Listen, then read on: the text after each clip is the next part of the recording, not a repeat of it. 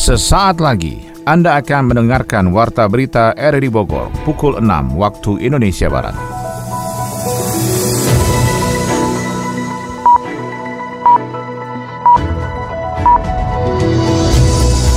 Selamat pagi, salam jumpa. Kami hadir kembali dalam Warta Berita edisi hari ini, Kamis 14 Januari 2021. Siaran ini dapat Anda dengar melalui audio streaming RRI Play dan juga dapat didengarkan kembali melalui audio podcast kami di Spotify, Anchor, Hotel, dan Google Podcast. Warta berita RRI Bogor ini turut disiarkan Radio Tegar Beriman Kabupaten Bogor, Jawa Barat. Dua berita utama pagi ini adalah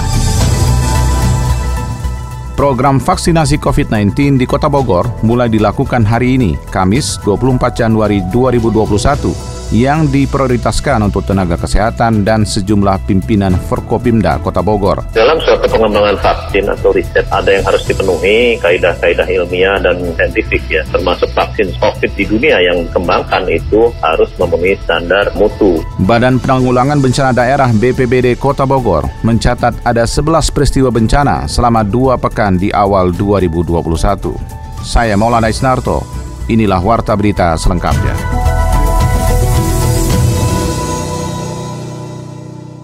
Presiden Joko Widodo Rabu pagi resmi menjalani penyuntikan perdana vaksin COVID-19. Proses vaksinasi perdana yang digelar di Istana Merdeka itu juga diikuti sejumlah pejabat lain dan perwakilan unsur masyarakat. Penyuntikan vaksin dari Sinovac itu dilakukan oleh tim dokter kepresidenan setelah sebelumnya memastikan kondisi kesehatan Presiden Jokowi. Mekanisme vaksinasi sendiri dilakukan dalam empat tahap, yakni pertama klarifikasi data penerima, kedua penerima vaksin menjalani pengecekan tekanan darah dan klarifikasi kesehatan, Ketiga, penyuntikan vaksin dilakukan oleh tim dokter kepresidenan dan keempat, penerima vaksin mendapat kartu tanda suntik. Dalam pemeriksaan kesehatan, Presiden Jokowi diketahui memiliki tekanan darah 130 per 67 yang diartikan sehat dan fit. Sejumlah pertanyaan juga diajukan kepada Presiden seperti apakah pernah terkonfirmasi menderita COVID-19, apakah memiliki gejala batuk dalam tujuh hari terakhir, dan apakah ada riwayat komorbid seperti penyakit jantung, ginjal, serta diabetes. Semua pertanyaan tersebut dijawab tidak oleh Presiden Jokowi. Sebelumnya, Sekretaris Jenderal Majelis Ulama Indonesia Amir Syah Tambunan yang juga tokoh Muhammadiyah menyampaikan bahwa langkah vaksinasi merupakan bentuk ikhtiar pemerintah bersama masyarakat untuk menekan laju penularan COVID-19 dan berharap menghilangkan pandemi. Program vaksinasi COVID-19 di Kota Bogor mulai dilakukan hari ini, Kamis 24 Januari 2021, yang diprioritaskan untuk tenaga kesehatan dan sejumlah pimpinan Forkopimda Kota Bogor. Mengenai hal itu, kita akan ikuti laporan Adi Fajar Nugraha. Program vaksinasi di Indonesia telah dimulai sejak kemarin yang secara langsung disuntikan pertama kalinya kepada Presiden Jokowi di Istana Negara. Hal tersebut sebagai simbol untuk memberikan rasa aman kepada masyarakat untuk dilakukan vaksinasi. Sino Sinovac bersama Bio Farma Persero sebagai produsen vaksin COVID-19 telah dilakukan uji klinis untuk menjadikan vaksin besutan negeri tirai bambu tersebut aman untuk disuntikan kepada masyarakat Indonesia. Korporat Sekretari Bio Farma Bambang Herianto mengatakan, secara umum vaksin yang akan diberikan kepada masyarakat telah memenuhi kaidah ilmiah sesuai dengan standar mutu yang dikeluarkan oleh Badan Kesehatan Dunia dan regulator di Indonesia. Dalam pengembangan vaksin atau riset ada yang harus dipenuhi kaidah-kaidah ilmiah dan saintifik ya, termasuk vaksin COVID di dunia yang dikembangkan itu harus memenuhi standar mutu atau standar efikasi maupun standar keamanan yang dikeluarkan oleh badan dunia maupun di regulator masing-masing negara. Seperti kita ketahui yang vaksin COVID-19 dari Sinovac ini juga sudah mengikuti standar itu mulai dari uji preklinis di hewan, kemudian uji fase 1 di manusia dengan populasi yang sedikit untuk melihat keamanannya, kemudian fase 2 di populasi yang lebih besar di antara 500 sampai 1000 itu juga sudah memenuhi syarat keamanan maupun maupun dosis. Nah, fase 3 ini pada populasi yang lebih besar untuk melihat tetap keamanannya dilihat dan terakhir adalah efikasi dan immunogenicity atau seberapa besar vaksin ini bisa menimbulkan kekebalan atau antibodi pada manusia. Bambang menambahkan, BPOM sebagai regulator pengawasan obat dan makanan turut melakukan supervisi dan peninjauan keamanan vaksin COVID-19 di Indonesia. BPOM pun tanggal 11 Januari lalu lalu secara resmi telah menerbitkan izin penggunaan darurat untuk vaksin COVID-19 Sinovac. Tentunya vaksin ini ada Badan POM yang memang mengawasi sejak dari awal. Jadi dari aspek keamanan, efikasi atau khasiat dan mutu itu benar-benar dilihat. Sampai dilakukan auditnya langsung ke China, Sinovac, dan juga ke Bio Farma. Bagaimana Bio Farma nanti kesiapan kita untuk melakukan produksi jika vaksin ini akan diproses lebih lanjut di kita. Jadi saya menghimbau masyarakat, ini vaksin betul-betul terjamin keamanannya, diakui juga oleh Badan POM, termasuk standar internasional dari Badan Kesehatan Dunia atau WHO. Sementara di Kota Bogor, vaksinasi mulai dilakukan hari ini yang diprioritaskan untuk tenaga kesehatan dan sejumlah pimpinan Forkopimda. Wakil Wali Kota Bogor Dedi Rahim menyatakan kesiapannya menjadi orang pertama di Kota Bogor yang akan disuntikan vaksin Sinovac pada hari ini. Menurut Dedi, vaksin yang diproduksi telah melewati serangkaian uji klinis dan perizinan sehingga dirinya tidak khawatir untuk dilakukan vaksin. Hal itu juga sekaligus menjadi bukti bahwa vaksin COVID-19 aman untuk masyarakat Kota Bogor sehingga masyarakat tidak perlu cemas akan program vaksinasi. Vaksin ini aman ya. Jadi saya tentu secara langsung nanti akan menerima vaksin dan konteksnya tadi saya ingin memastikan, ingin meyakinkan masyarakat bahwa jangan takut karena ini kan sudah melalui apa rangkaian prosedur. Program vaksinasi Kota Bogor sendiri berlangsung mulai tanggal 14 Januari 2021 yang akan diprioritaskan kepada tenaga kesehatan dan 10 pejabat Forkopimda termasuk Wakil Wali Kota Bogor Dedi Rahim. Sementara di Kabupaten Bogor, Pemkap belum mendapatkan jadwal resmi pengiriman vaksin COVID-19 sehingga kemungkinan vaksinasi akan diundur atau tidak berbarengan dengan Kota Bogor. Program vaksinasi COVID COVID-19 menjadi langkah pemerintah untuk berperang melawan pandemi COVID-19 yang telah terjadi selama kurang lebih satu tahun terakhir di Indonesia. Sementara itu, pemerintah Kabupaten Bogor akan melakukan vaksinasi massal pada bulan Februari mendatang menunggu tambahan 5.000 dosis vaksin dari total 1,2 juta dosis yang dibutuhkan.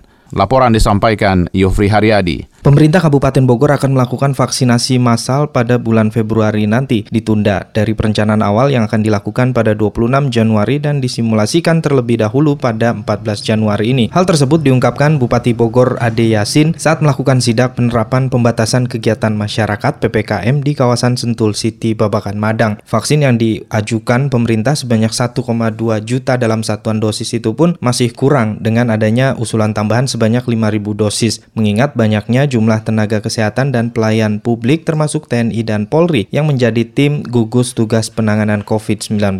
Aturan pembatasan kegiatan masyarakat di Kabupaten Bogor diperpanjang hingga 25 Januari mendatang. Jam buka kafe dan restoran termasuk pusat perbelanjaan dan hiburan masih tetap dibatasi hingga pukul 19.00. Ya, sudah sudah siap karena kan nakes yang ada itu ya disuntik di situ. Jadi disalurkan di rumah sakit, nakes yang ada di rumah sakit ya bisa di situ. Jadi nggak ke mana-mana mana Jadi menghindari kerumunan juga, menghindari tempat yang lebih besar ya untuk vaksin dan juga supaya lancar bisa serentak begitu dilaksanakan. Artinya ditunda ya Teh ya dari tanggal 14 itu ke Kita tergantung kedatangan vaksinnya. Ya. Kalau sudah datang cepat ya kita cepat, kalau belum ya belum. Gitu. Karena pola mungkin seluruh Indonesia ya kita malu kesehatan.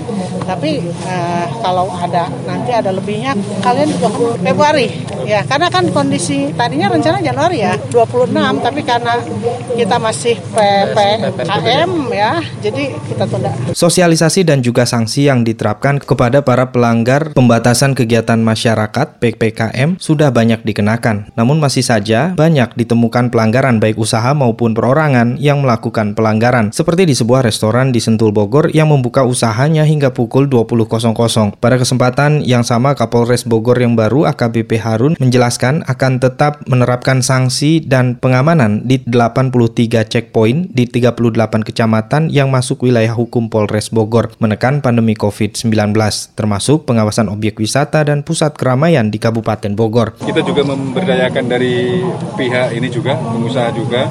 Jadi kita dari internal mereka juga mau menyiapkan, menyiapkan karyawan untuk bisa menjadi penegak disiplinnya. Jadi kita partisipasi masyarakat juga kita, kita minta, terutama dari pemilik retailnya maupun pemilik tokonya. PPKM ya, PPKM, PPKM. Kita selalu bersama-sama dengan Kodim, dengan Satpol PP, semua kita selalu bersama-sama melaksanakan kegiatan, baik operasi justisi maupun kegiatan-kegiatan lain terkait dengan uh, penyelenggaraan pelaksanaan PPKM ini. Kita membuat ya, pantau ada 83 titik semuanya. Kita bangkitkan lagi, kita buatkan lagi Hampir di setiap kecamatan ada 2 sampai 3 titik. Polres Bogor juga membentuk tim dari pengelola perusahaan untuk dilatih menjadi Satgas Protokol Kesehatan serta menggiatkan kembali operasi justisi bersama dengan Pol PP dan TNI di wilayah hukumnya. Mantan Kapolres Lamongan itu pun menegaskan upaya menekan pandemi COVID tidak hanya dari aparat dan pemerintah daerah saja, namun seluruh komponen masyarakat. Pendengar, program vaksinasi COVID-19 di Kota Bogor dan Kabupaten Bogor akan kami bahas dalam Bincang Pagi RRI Bogor mulai pukul 8 waktu Indonesia Barat.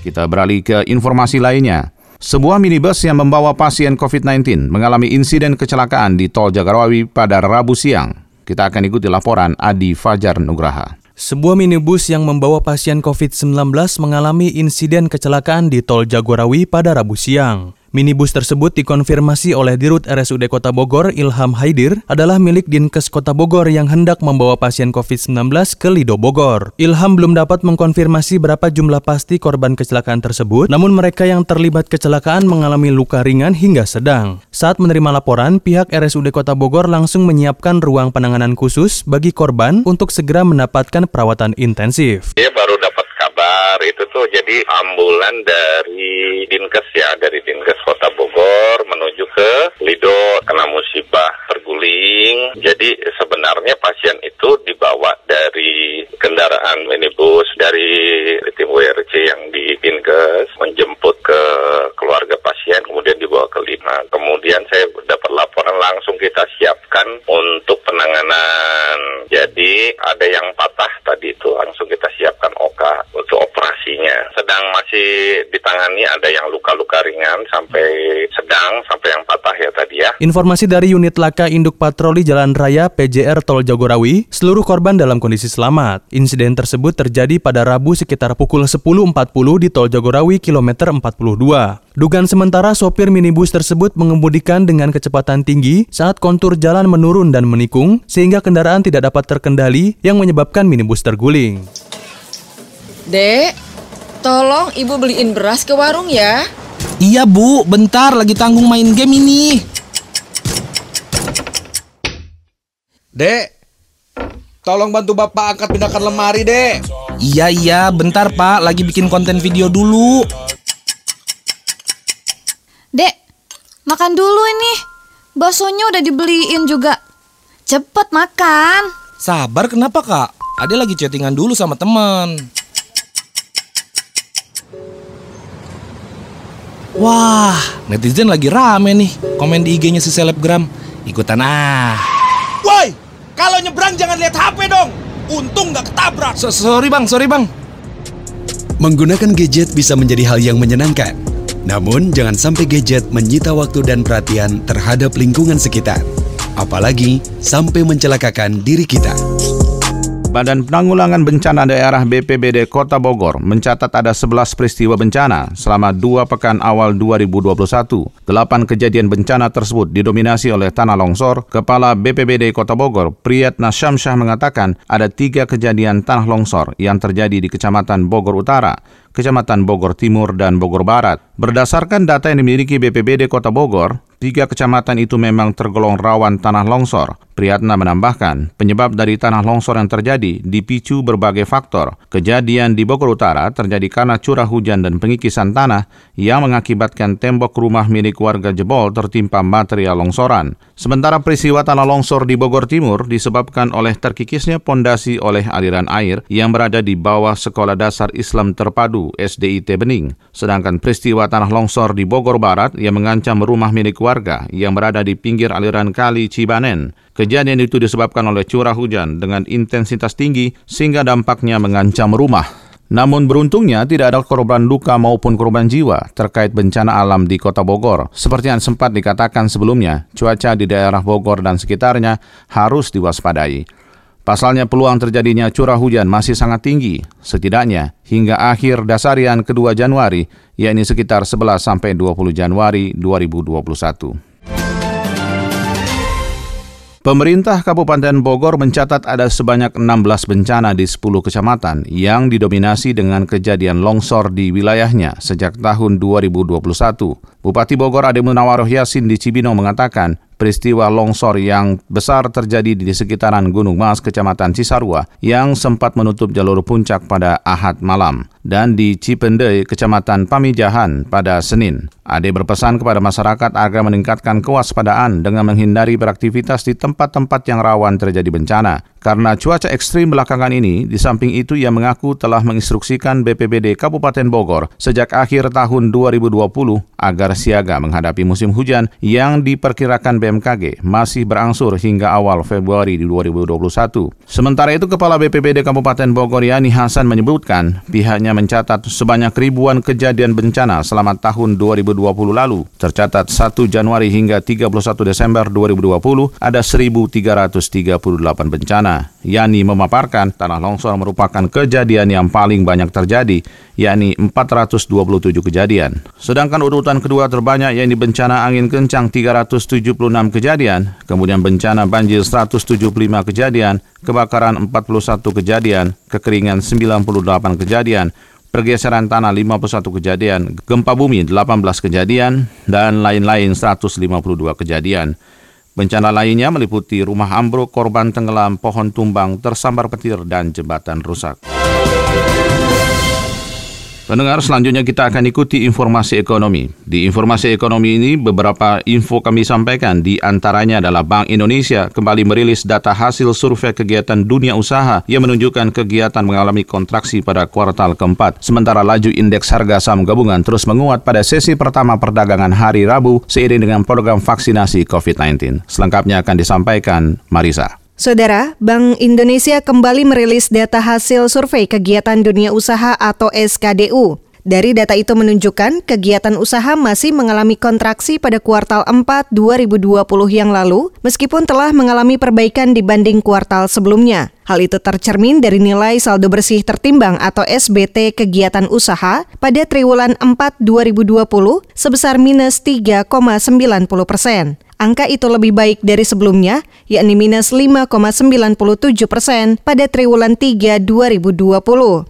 BI mengungkapkan perbaikan ini terjadi karena didorong oleh kinerja sejumlah sektor yang tumbuh positif, yaitu sektor pengangkutan dan komunikasi, keuangan, real estate, dan jasa perusahaan seperti listrik, gas dan air bersih, serta jasa-jasa lainnya. Selain itu juga sektor perdagangan, hotel dan restoran, sektor industri pengolahan, dan sektor konstruksi terindikasi membaik. Laju indeks harga saham gabungan atau IHSG terus menguat pada sesi pertama perdagangan saham pada hari Rabu, seiring dengan program vaksinasi COVID-19 yang dilakukan pemerintah. Mengutip data RTI pada pra pembukaan perdagangan saham, IHSG naik 44,62 poin atau 0,69 persen ke posisi 6.439.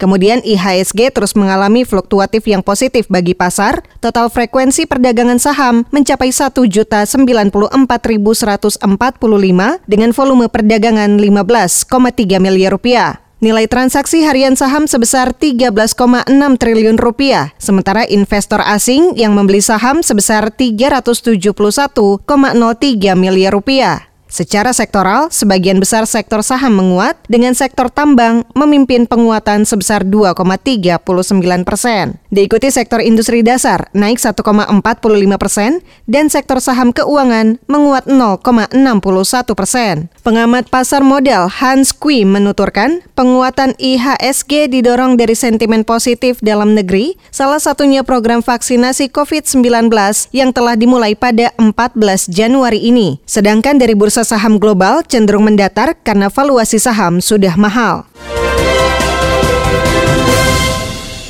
Beralih ke informasi luar negeri, kali ini tentang produsen pesawat asal Amerika Serikat Boeing mengakhiri tahun terburuknya sejak 40 tahun. Pada penjualan Desember 2020, total pesawat yang telah dikirim dalam sebulan hanya sebanyak 39 pesawat. Dikutip dari CNN, pengiriman pesawat itu menjadi penting bagi produsen mengingat keadaan perusahaan saat itu diselimuti hutang. Di antara pesawat yang terjual selama sebulan itu, 27 pesawat adalah Boeing 737 yang sempat dikandangkan selama 2 tahun. Angka pengiriman akhir tahun lalu yang relatif luar biasa membuat total pesawat yang telah dikirim Boeing menjadi 157 pesawat. Namun angka tersebut masih tergolong paling rendah sebab rekor penjualan setahun yang tertinggi yakni pada 2018 dengan total 806 pengiriman. Pendapatan perusahaan saat itu juga masih tergolong tinggi senilai 100 miliar US dollar. Analis memperkirakan pendapatan Boeing selama 2020 hanya sekitar 58 miliar US dollar dan 78 miliar US dollar pada 2021. Namun perusahaan terus mengalami tekanan akibat pandemi COVID-19 selama 2020. Perusahaan mencatat terdapat 655 pesawat pesanan dibatalkan dan 184 pesawat dihapus dari daftar pesanan. Meski demikian, Boeing berhasil mengakhiri tahun 2020 dengan tumpukan pesanan sebanyak 4.223 pesawat. Tidak hanya itu, tahun 2020 sebenarnya juga menjadi tahun terbaik sebab Boeing mendapatkan izin dari Administrasi Penerbangan Federal Amerika Serikat untuk mengudarakan lagi pesawat Boeing 737 MAX pada akhir November lalu. Assalamualaikum warahmatullahi wabarakatuh. Saya Bimaria, Wali Kota Bogor, mengajak kepada seluruh warga Bogor bersama Radio Republik Indonesia, Radio Tanggap Bencana COVID-19 untuk terus semangat, optimis, sembari meningkatkan kewaspadaan dan kesiagaan kita untuk menghadapi wabah COVID-19 ini. Tetap di rumah, pastikan jaga kesehatan, selalu menggunakan masker apabila terpaksa keluar rumah. Mari kita sama-sama menghadapi bencana COVID-19 ini. Tidak ada yang tidak bisa jika kita tidak menguatkan kebersamaan kita. Semoga kita semua selalu diberikan kesehatan oleh Allah Subhanahu wa taala. Wassalamualaikum warahmatullahi wabarakatuh.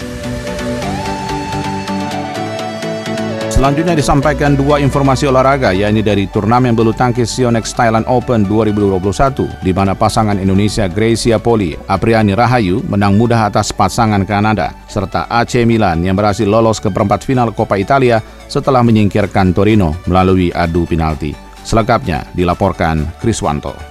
Dari turnamen bulu tangkis Yonex Thailand Open 2021, pasangan ganda putri Indonesia Gracia Poli Apriani Rahayu menang mudah atas pasangan Kanada Kristen Sai dan Rachel Hodrick dengan skor 21-12, 21-11. Bertanding di Impact Arena Rabu 13 Januari kemarin, ganda putri berperingkat 8 dunia tersebut selalu memimpin perolehan poin pada game pertama. Mereka mengawalinya dengan skor 2-1. Gracia Apriani kemudian memperlebar jarak dengan pasangan peringkat 23 dunia itu dari 98 hingga 11 Selepas interval game pertama, Gracia Apriani kembali menekan melawannya tersebut. Mereka tancap gas hingga poin 19-10. Pasangan Indonesia sempat kehilangan poin setelah bola Apriani tidak berhasil menyeberangi net, tetapi kemudian direbut kembali dengan smash Apriani yang masuk. Skor berakhir 21-12. Gracia Apriani kembali memimpin di perolehan poin permainan game kedua. Mereka unggul jauh 8-4, namun pasangan Kanada itu tidak tinggal diam. Satu demi satu poin mereka kumpulkan, dan Gracia Apriani meresponnya dengan permainan lebih cepat. Hasilnya mereka kembali memimpin jauh 15-9. Sebelum kemudian keduanya menyudahi laga dua game tersebut dengan skor 21-11. Pertandingan berakhir dengan durasi 41 menit. Hasil ini sekaligus memperlebar jarak rekor pertemuan keduanya menjadi 3-0. Terakhir kali kedua ganda ini bertemu di Indonesia Masters 2020. Pada Yonex Thailand Open tahun ini, Gracia Apriani menjadi satu-satunya wakil ganda putri Indonesia. Pasalnya, ganda putri Siti Fadia Silva Ramadanti, Ripka Sugiarto sudah kandas di babak awal. Mereka kalah dari pasangan Prancis Anne Tran dan Emily Level dengan skor identik 21-17, 21-17 pada Senin lalu. Dari turnamen Coppa Italia dilaporkan, AC Milan bermain imbang hingga babak tambahan saat bertemu Torino dalam babak 16 besar Rabu dini hari waktu Indonesia Barat. Milan akhirnya lolos ke perempat final dengan skor 5-4 lewat adu penalti. Torino menunjukkan perlawanan alot terhadap Milan hingga tidak ada satupun gol tercipta hingga laga berakhir 90 menit. Di babak perpanjangan waktu, I Rossoneri banyak membuang peluang. Skor 0-0 bertahan hingga wasit meniup pulit panjang sehingga laga harus dilanjutkan lewat adu penalti. Lima eksekutor AC Milan, masing-masing Frank Kessie, Theo Hernandez, Sandro Tonali, Alessio Romagnoli, dan Hakan Kalhanoglu sukses menjalankan tugasnya. Sementara gelandang Torino Thomas Rincon menjadi satu-satunya eksekutor yang gagal menceploskan bola ke gawang Milan yang dijaga Kiprian Tatarusanu. Kemenangan ini membawa AC Milan melenggang ke babak perempat final Coppa Italia. Saudara, demikian rangkaian informasi yang kami sampaikan pagi ini. Namun sebelum kami akhiri, kembali kami sampaikan dua berita utama. Program vaksinasi COVID-19 di Kota Bogor mulai dilakukan hari ini, Kamis 24 Januari 2021, yang diprioritaskan untuk tenaga kesehatan dan sejumlah pimpinan Forkopimda Kota Bogor. Badan Penanggulangan Bencana Daerah Kota Bogor mencatat ada 11 peristiwa bencana selama dua pekan di awal tahun 2021. Siaran ini dapat Anda dengarkan kembali melalui podcast kami di Spotify, Anchor, Podtail, dan Google Podcast. Mewakili kerabat kerja yang bertugas edisi hari ini, saya Maulana Starto mengucapkan terima kasih. Selamat pagi.